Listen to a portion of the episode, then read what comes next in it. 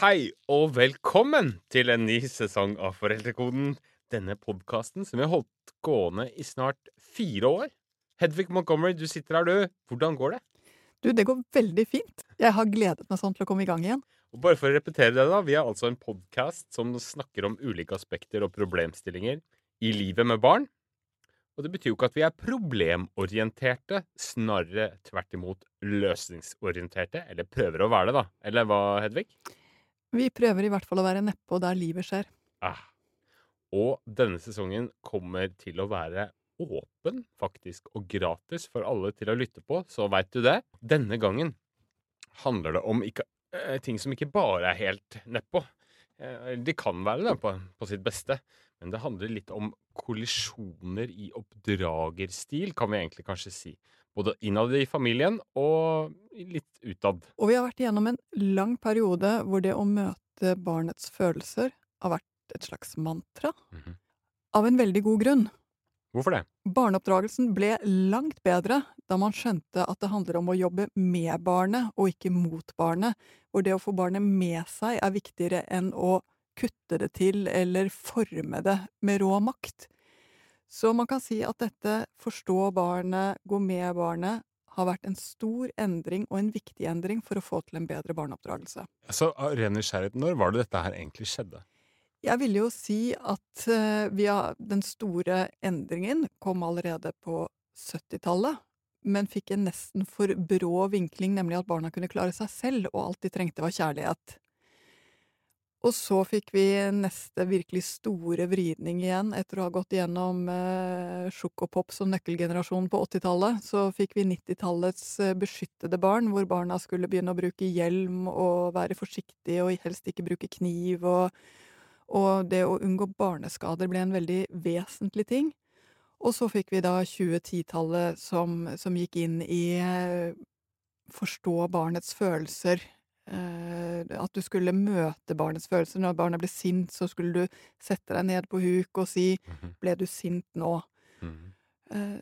og og det, altså, hver av disse endringene her har jo vært veldig viktige. Både for å få barneoppdragelse som er mer i tråd med det samfunnet og de ressursene vi har, men også med å få en barneoppdragelse som er mer på barnas lag. Mm. Så mye fint har skjedd, men at det alltid kommer en motbølge skal være helt sikkert. Og mange spør skal vi bare jatte med, skal vi la barna bestemme? Skal vi tilbake igjen til 70-tallet, hvor eh, barn liksom levde i sin egen verden og eh, med lite kontakt med voksne, bare at nå skal barn få lov til å bestemme med masse kontakt med voksne? Det blir jo ikke bra. Og det har de selvsagt helt rett i. Kanskje har det gått litt for langt, eller pendelen har gått litt for langt opp i været på den siden. Eh, kan du si litt mer om det? Jo, det som, eh, som ofte slår meg, er at hver gang noen ting blir en slags teknikk, Mm. så slutter det å fungere. Sånn at er det én ting som er helt sikkert, det er at skal du snakke med noen som har det dårlig, så nytter det ikke å si nei, nei, ikke gråte nå. Det er uavhengig av om du snakker med en treåring eller en 30-åring. Mm. Men hvis du sier ah, tøft, og du får den nikket tilbake igjen, så er det plutselig en kontakt som du kan bygge videre fra. Det er en av de tingene jeg vet, det er at skal jeg få noen med meg, så må jeg på en måte sette meg litt inn i hvordan det er å være deg. Både når det gjelder voksne, og når det gjelder barn. Mm. Men i det øyeblikk allting handler om å si er du sint, men er du lei deg, men er du sliten, altså hvor allting handler om å gjette meg frem til dine følelser jeg egentlig ikke har tid til å høre etter, for eksempel, eller hvor jeg ikke tar neste skritt, nemlig hjelper deg videre fra der du står, så er vi egentlig bare kommet til at det da står to stykker som ikke vet hvor de skal. Som voksen har du hele tiden et lederansvar. Som voksen så er du den barnet ser på når han eller hun står fast og ikke skjønner hva som skjer. Så du har en, du har en rolle som både gir deg ganske mye ansvar og ganske mye makt. Og vi har jo vært igjennom en periode hvor kanskje det å snakke nettopp om ansvar og makt ikke har vært så populært. Det hjelper ikke at vi går ned og blir en treåring når treåringen trasser, eh, og at vi begge to står der og er oppgitt over at det er vanskelig. Treåringen trenger at du skjønner at det er vanskelig, og så begynner å lage veien videre. Kan du lage et eksempel, da? Når treåringen har, eh, skal ut om morgenen og har sett for seg noe helt annet, og det er det mange treåringer som gjør. Mm. Har sett for seg at vi skal se på noe fint på eh, iPaden eller TV, har sett for seg at vi skal ha god tid, og så er det ikke god tid. Nei. Og du er litt stressa og eh, sier at ja, men nå er det bare på med støvlene. Så vil en treåring eh, rett og slett gjerne protestere på det. Mm. For poenget for henne å få på seg de støvlene er ikke til stede. Å møte følelsen i en sånn situasjon ved å si åh, ble allting helt feil? Hadde du sett for deg noe annet? Og så kan du si jeg vet, det hadde vært bedre om det var søndag. Men det blir søndag. Nå er det noe annet som gjelder. Nå er det på med støvlene, og så skal vi løpe ut til søppelkassa, den som kommer først dit vinner, og så skal Altså, det er å lage denne veien videre. Det er å både møte følelsene og ta barnets opplevelse av situasjonen med seg, og å vise hva som er mulig. Det er ledelse. Det er litt sånn som du håper at sjefen din skal gjøre når du kommer og er sliten på jobb etter en litt uh, bratt uh, morgen med levering. Så vil du at sjefen skal si ah, det var mye som skjedde før du kom på jobb i dag, og du sier i dag var en skikkelig bratt uh, morgen. Hvis sjefen da hadde sagt ja, men da kan du bare sitte her og spise Twist resten av dagen, så hadde du jo blitt litt forvirret. Mm. Mm. Du vil jo at sjefen da skal si ja, jeg skjønner, av og til så er det sånn. Du får begynne med de litt overkommelige tingene og, og få stigning utover dagen, altså oppmuntre deg litt. Og det er jo vel og bra, det å kle på seg den uh, nøytralitetsfornuftskappen, men det er jo ikke alltid så veldig lett, fordi man blir jo revet med av sitt eget eh, stress og jag i dette her. Så det er lettere sagt enn gjort, vil jeg påstå. Det er absolutt lettere sagt enn gjort, og det er noe av det som gjør dette mer komplisert enn det det ser ut til på overflaten. For vi lever hele tiden i dette spennet mellom det rasjonelle, mellom det som kan bevises og, og tas på, og det mer eh, emosjonelle eller eksistensielle, det du fornemmer, det du kjenner. Og så skjer livet midt imellom disse to polene. Mm. Og hvis du velger bare én av dem, så blir jo ikke den andre borte. Og det vil heller ikke fungere, for da er du ikke der livet er. Livet er midt imellom. Så du vil ikke kunne finne den perfekte metoden og følge den hele tiden. Fordi da går du bort fra det som er deg, som er sant, og som også tilpasser situasjonen deg til den situasjonen. Mens hvis du bare bruker den følelsesmessige tilpasningen til situasjonen, så går du glipp av noe av det som trengs, mm. nemlig hva vi vet og hva vi kan. Så det å få disse her til Altså, de vil alltid være litt uløselige, men når du står i midten og bruker litt fra begge delene, så kommer du i hvert fall så nær en løsning som du kan. En motsats kanskje da til denne møte barnas følelser er jo eh, den litt mer sånn old school-aktige disiplinfløyen, som kanskje menn ofte er talsmenn for sette seg ned, prate i hjel ting. Det holder liksom ikke, synes mange, da. Må kunne trekke opp grensene, må kunne si hvor skapet skal stå. Og dette må unga tåle. De etterlyser mer disiplin ofte. Mm. Har disse i noen grad rett? Altså, for det første må jeg bare si én ting, og det er at testosteron gjør noe med deg. Ja. Eh, sånn at beslutningsstyrken er jevnt over eh, absolutt på, på fedrenes side, som er bra. Mhm. Og ikke feil. Nei. Har de et poeng? Ja, hvis det gjøres på en måte som får barnet med seg, så har de et poeng. Og her kommer disse små, fine forskjellene. Fordi skal du bestemme over noen, så må den over noen synes det er greit å bli bestemt over av deg. Og det kommer ut fra tillit. Og denne tilliten handler om å ha en kontakt. Så det jeg setter opp i midten mellom disse to polene, er egentlig å koble seg på. Når du er koblet på, når du kjenner barnet ditt og barnet kjenner deg, da er det lett å bestemme over, da er det lett å få ting til å skje, da er det lett å lære bort ting, da er det plutselig en mulighet som finnes der, som ikke finnes der, når barnet føler at du er skummel eller en fremmed. Mm. Altså, slik at du sier at det er helt greit å kjøre opp litt disiplin i hjemmet, men det fordrer at man har koblet seg på. Men jeg skjønner ikke helt hva du mener, da. Kan du gi et eksempel på det? Har du prøvd å kjefte på andre barn enn ditt eget? Uh, ja, eller ja, Nei, jeg har gitt opp i forsøket, egentlig. Eller holdt meg igjen i forsøket for, det, For det, det, det føles egentlig litt sånn maktovergrepersk, på et vis. Fordi du er ikke kobla på det barnet. Nei. Det barnet er ikke trygt på deg, og du vet ikke helt hvordan det barnet reagerer heller. Så all den tiden vi tilbringer sammen med barna, når vi synger, når vi kiler, når vi spiser sammen, når vi leker sammen, når vi blir kjent med hverandre, gjør at vi kommer til et punkt at vi kan si hei, nå må vi faktisk bare forte oss. Eller hei, nå er det sånn at du kan ikke la det stå der, rydde opp etter deg. Men det punktet hvor du altså kan bestemme, kommer etter at det er trygt, at det er kjent, og at det er bra. Og i et hjem så skjer jo dette litt sånn gradvis og lag på lag. Og har du vært borte en stund, så kan du ikke komme hjem og bestemme over. Da må du først ha en tilvenning igjen. Nå har vært, hvis du jobber turnus for eksempel, har vært borte en stund, så må du koble deg på igjen, finne ut hvor er du henne nå. Hvis du bare har vært borte på en arbeidsdag, så må du først heve blikket og se hvordan er det å være deg akkurat nå. Og når barnet ser at uh, vi er på lag, vi er sammen, så kan du igjen begynne å bestemme. Så jeg kan ikke komme brasende inn døra og si Det som skjer nå, er at nå går du og vasker hender, du gjør lekser, og du eh, tar ut av oppvaskmaskinen hvis du er stor nok. Det går ikke. Nei, det vil rett og slett ikke fungere, fordi barn er ganske som eh, voksne. Dem vi stoler på, er også dem vi lar oss lede av. Så om disiplin er greit, ja ja, og det er forskjellig i forskjellige hjem hva som er viktig. Det helt regelfrie hjem finnes ikke, og det er det en god grunn til. En fireåring, eller for den delen en 14-åring, kan ikke bestemme over seg selv, kan ikke ta de kloke beslutningene, kan ikke lage de gode rammene. Det er det de voksne som må gjøre.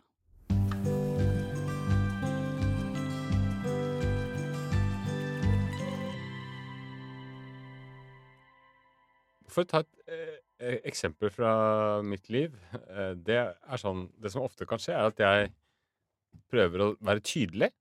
Og da får jeg gjerne litt sånn høyere stemme, kanskje. Så går de litt sånn i frø, og kanskje litt sånn der eh, krenka på en måte. Og så spør jeg hva er det? Så, Du ble streng på meg. Og da blir jeg litt sånn eh, Ja, hva skal jeg egentlig svare nå? Eller hva blir riktig oppfølging videre nå? Hva, hva, hva er dette? Ja, det sier jo noen ting om hvor eh, fine unger du har som kjenner deg, i hvert fall. De vet jo mer om hvor stressa og sur du er enn det du vet selv. De har gode temperaturmål, disse barna, vet du. Ja, Eh, og da kan det faktisk være vel så nyttig å si ja, det har du faktisk litt rett i, men jeg vil virkelig at du skal gjøre det. Det skal jeg ta til meg. Et problem kan jo gjerne oppstå da, hvis man er helt eh, klin uenig, eh, har ulik holdning til et en problem hjemme. Eh, altså forelder én og forelder to, hvor den ene gjerne vil sette seg ned på huk og krype under et pledd og drikke litt kakao og prate sammen hvis den, uh, ungen har fått en eller annen meltdown, mens en uh, medforelder vil kjøre beinhard linje. Sånn blir det. Nå, Kom deg opp derfra nå. Ikke ligg og skrik og grin. Det, og, og sånne ting. Hvordan skal man nå et sånn slags felles, en felles plattform, når man har, har litt sånn, er på hver sin side av dette her? Jeg må bare si det er ganske sannsynlig at man har vært på hver sin side. Ja. Eh, fordi man kommer fra hver sin oppvekst selv, har hver sine erfaringer selv, har med seg hver sin idé om hva en god barneoppdragelse er, ut fra hva man selv har opplevd. Mm. Man har forskjellige ting med seg om hva man ikke skal gjøre også. Så det å få barn er jo virkelig å bli godt kjent med den andres skyggesider. Eh, og det er kanskje det vi snakker om nå. Du ser det i den andre som du skulle ønske ikke var der, kanskje, eller som du syns er helt fremmed. Jeg har noen hjelpetanker for disse situasjonene. Den ene, det er det at det faktisk er bra for barn at foreldrene ikke er helt klin like og en slags kompakt majoritet. På en måte så lager det mer familiedynamikk og mer eh, rom for barnet til å finne seg selv, at man ikke er helt enige om absolutt alt. Problemet oppstår jo når man da blir sur på den andre og begynner å slite ned parforholdet sitt fordi man syns den andre er altfor snill eller altfor streng. Går det an å ikke krangle når når man har det, disse to utgangspunktene? Hva syns du? Nei, sannsynligvis ikke, men poenget er det går ikke an å krangle, punktum. Eh, fordi overalt hvor mennesker er tett sammen, så vil det bli uenighet og krangel med ujevne mellomrom. Så nesten uavhengig av dette, så, så er det krangelfrie hjem er rett og slett ikke eksisterende. Kommer ikke til å skje. Men det andre som er viktig, det er at det å skjønne hva, hvor kommer det fra hos kjæresten min, hva er det som gjør at han eller hun tenker sånn, og hva ved det er fint? Har du klart å stille deg selv de to spørsmålene, så vil du også kunne si noen ting av det er nyttig, det kan jeg bruke, eller noen ting av det jeg har, er faktisk nyttigere, og så kan du vise frem det. Man trenger rett og slett å ta en fot i bakken og, og snakke om det etterpå, og det som så gjør dette så eksplosivt, det er at den som har lyst til å være litt streng og si nei, kan ikke dille hele tiden, kan ikke sitte og holde på på den måten, vil jo faktisk bli litt mindre populær og vil da føle seg avvist, og når man føler seg avvist, så blir man i hvert fall sint, og da får du disse eksplosive kranglene som handler om 'jeg er redd for å miste alt'. De er sjeldne gode.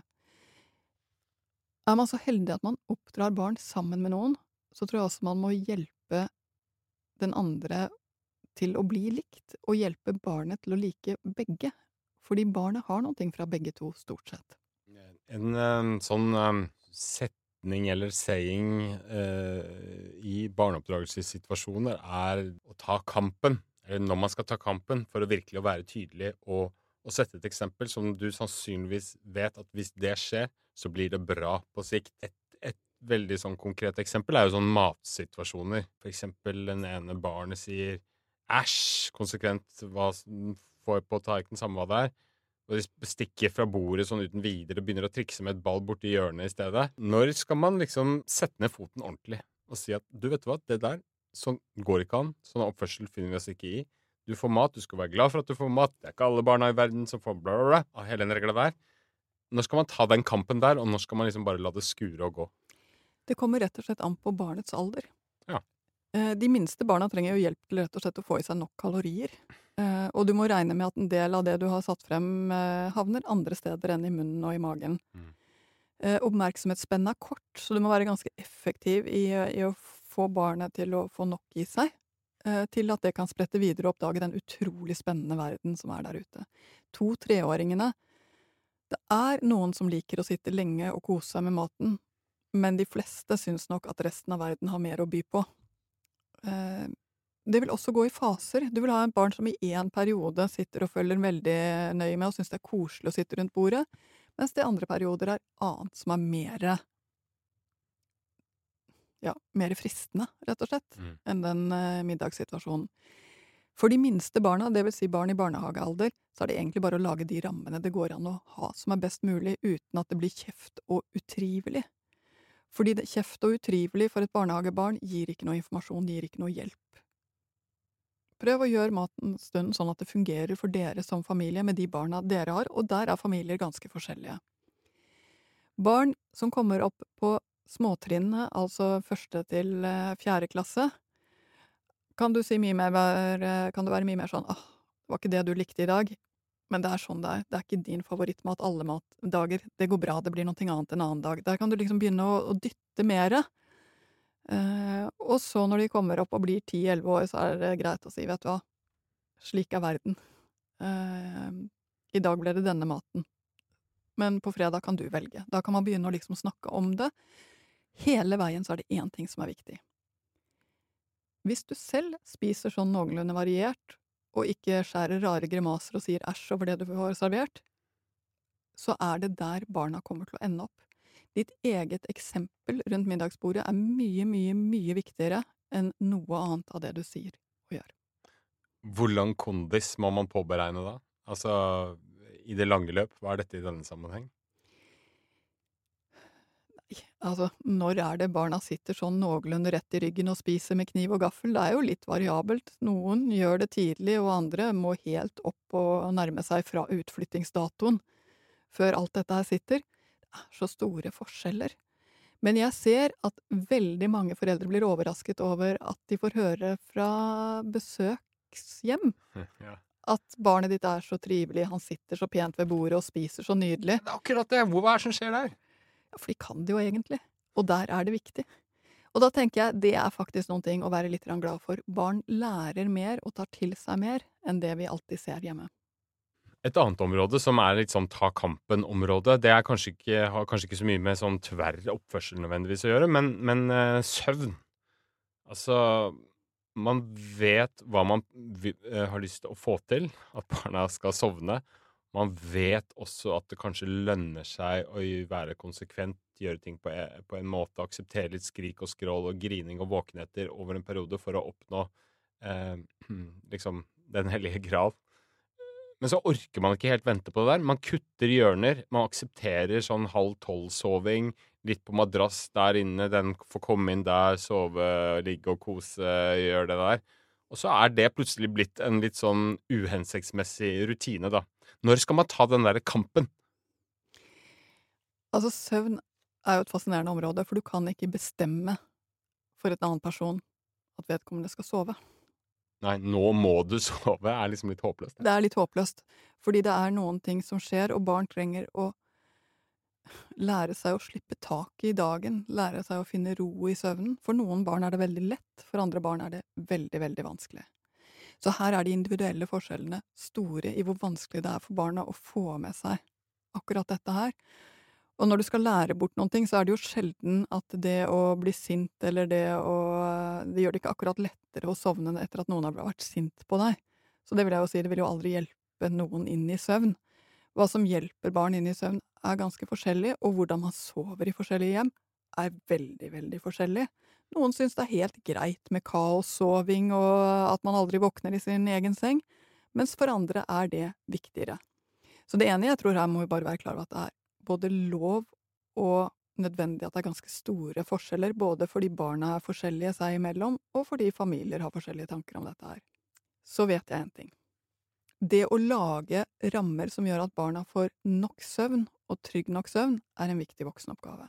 Så vi skal virkelig lage en dag som tar slutt på et eller annet tidspunkt, og som gjør at barna får den søvnen de trenger til neste dag.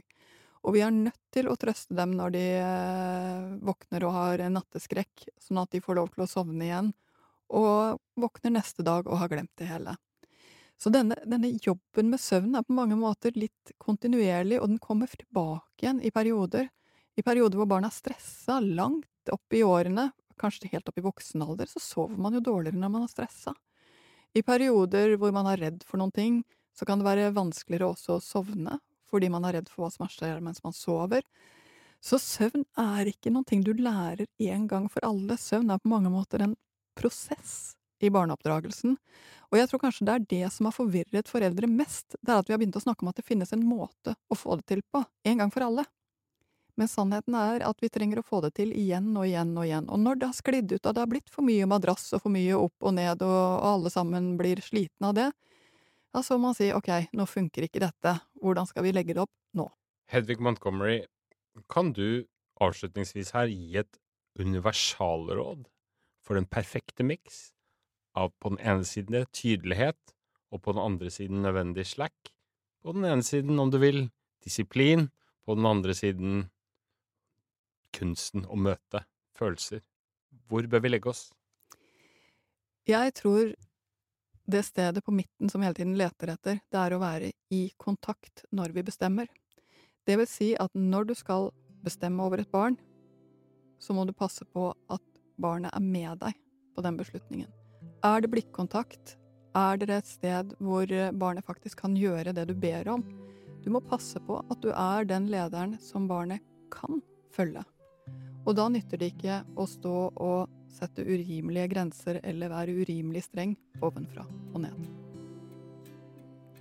Takk for at du hørte på dagens sending. Husk på at vi har eksistert i flere år og har lagd over 100 episoder totalt. Eh, og nå finner du alle disse episodene åpent i din podkastspiller. Du får bare scrolle deg litt tilbake, eller søke litt åpent. Eh, følg oss gjerne på Instagram. Kanskje du blir følger nummer 10 000. Eller så kan du melde deg inn i eh, Facebook-gruppen Foreldrekoden. Ha en deilig uke, og husk da å koble deg på. Ha det!